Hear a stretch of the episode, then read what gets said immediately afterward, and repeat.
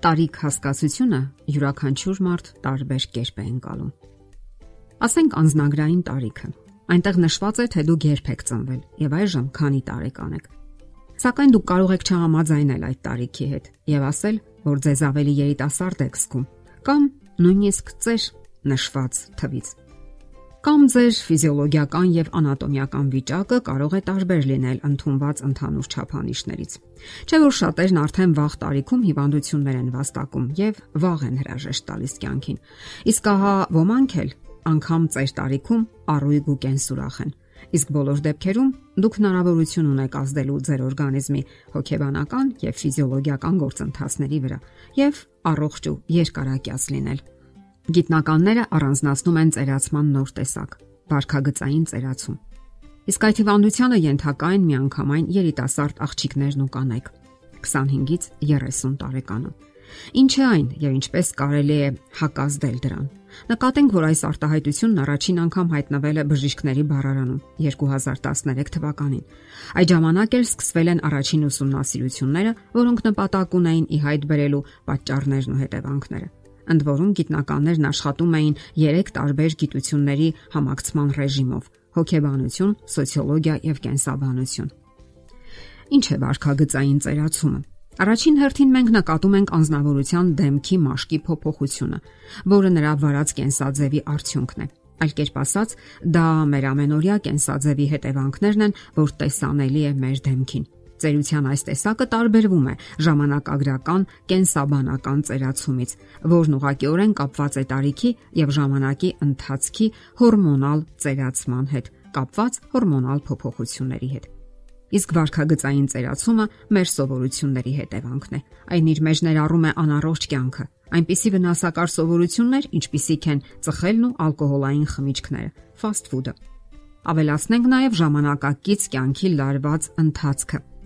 քիչ քնելը, վազքը, սթրեսները, նստակյաց կյանքը եւ այլն։ Կարող ենք ավելացնել նաեւ արևի ճառագայթների անբավարար քանակը, էկոլոգիական անբարենպաստ հանգամանքները եւ այլն։ Եվ սա հավասարապես վերաբերում է թե կանանց եւ թե տղամարդկանց։ Վարքագծային ծերացումը հետևանք է նաև կանանց սոցիալական դիրքի փոփոխության։ Ի տարբերություն ծերացման մյուս տեսակների, սա ախտահարում է առաջին հերթին 25 տարեկան եւ ավելի երիտասարդ աղջիկներին ու կանանց։ Այժմ նրանք շատ են աշխատում։ Ընդ որում, այնպիսի գործեր են անում, որոնք նախկինում միայն տղամարդկանց համար էր. զինվորական, ոստիկանական, օթաչու, պետական պատասխանատու պաշտոններ եւ այլն։ Նրանք նաև աշխատանքային առաջընթաց են կազմակերպում եւ ահա որպես հետևանք վատ են քնում, սթրեսների մեջ են, սկսում են վատ սնվել։ Իսկ եթե հավելենք նաեւ այսպես կոչված ժամանակակից լինելու նկարտումները, ծխել, խմել եւ այլն, ապա պատկերը ավելի լիարժեք կդառնա։ Եվ բնականաբար մի քանի տարի հետո այդ բոլորի հետևանքներն անխուսափելիորեն արտացոլվում են նրանց դեմքին։ Ընդհանրապես ժամանակագրական կենսաբանական ծերացման գլխավոր նշանները համարվում են կնճիրները եւ մաշկի առածգականության ու ճկունության կորուստը։ Իսկ վարքագծային ծերության նշանները մի փոքր այլ են։ Ներկայացնենք դրանցից մի քանիսը։ Մաշկի գույնի փոփոխություն, երբ գորշ մաշկը վկայում է ծխելու փաստը կամ աղոտ գունատ դեմք, որը հետևանք է բացօթյա թարմ օթում հազվադեպ զբոսնելու։ Պիգմենտացիա, չոր գոտիներ, Սա արդյունք է ուլտրամանուշակագույն ճառագայթների, արևայրուքի չարաշահման, արևային լոգանքների եւ այլն։ Հոգնած տեսք, կապտուկներ աչքերի տակ, որը հետևանք է անքնության, գերհոգնածության, բազմաթիվ սթրեսների։ Բորբոքված տեսք, յուղոտ փայլ, սա հետևանք է անկանոն եւ սխալ սննդակարգի եւ խանգարված նյութափոխանակության։ Ավելորդ չենք համարում նշել նաև, որ վարքագծային ծերացումը անհատական է։ Որոշ մարդիկ ենթակա են նրա բոլոր գործոններին, իսկ ոմանք դիմադրում են եւ ցանկացած տարիքում հարաբերականորեն երիտասարդ տեսք ունեն։ Չնայած այն բանին, որ այսօր շատ մարդիկ հետևում են առողջ կենսաձևի սկզբունքներին, չեն ծխում, սպորտով են զբաղվում եւ ճիշտ են սնվում, այնուամենայնիվ չեն կարող ազդել վարքագծային ծերացում առաջացնող բոլոր գործոնների վրա։ Այսօր մարդը ենթակա է էկոլոգիական վատ իրավիճակի հետևանքներին, հատկապես հսկա քաղաքներում, եւ ի վերջո բոլորս են երբեմն սթրեսների մեջ հայտնվում կյանքի անսովոր լարված ռիթմերի պատճառով։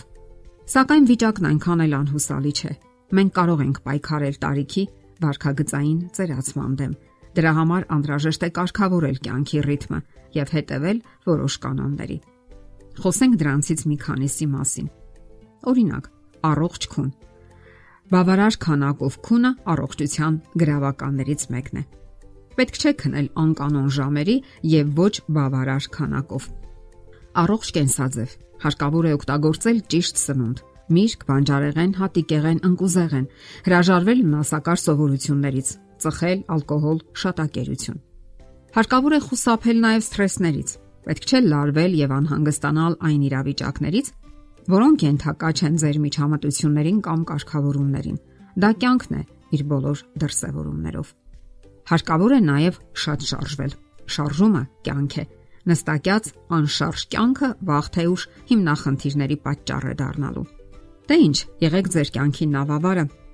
այլ ոչ пассив դիտորդը եւ մոռացեք այն թիվը, որ գրված է ձեր անձնագրի մեջ։ Դա ընդհանրապես թիվ է։ Եթերում առողջ ապրելակերպ հաղորդաշարն է։ Ձեզ հետ է Գեղեցիկ Մարտիրոսյանը։ Հարցերի եւ առաջարկությունների համար զանգահարել 033 87 87 87 հեռախոսահամարով։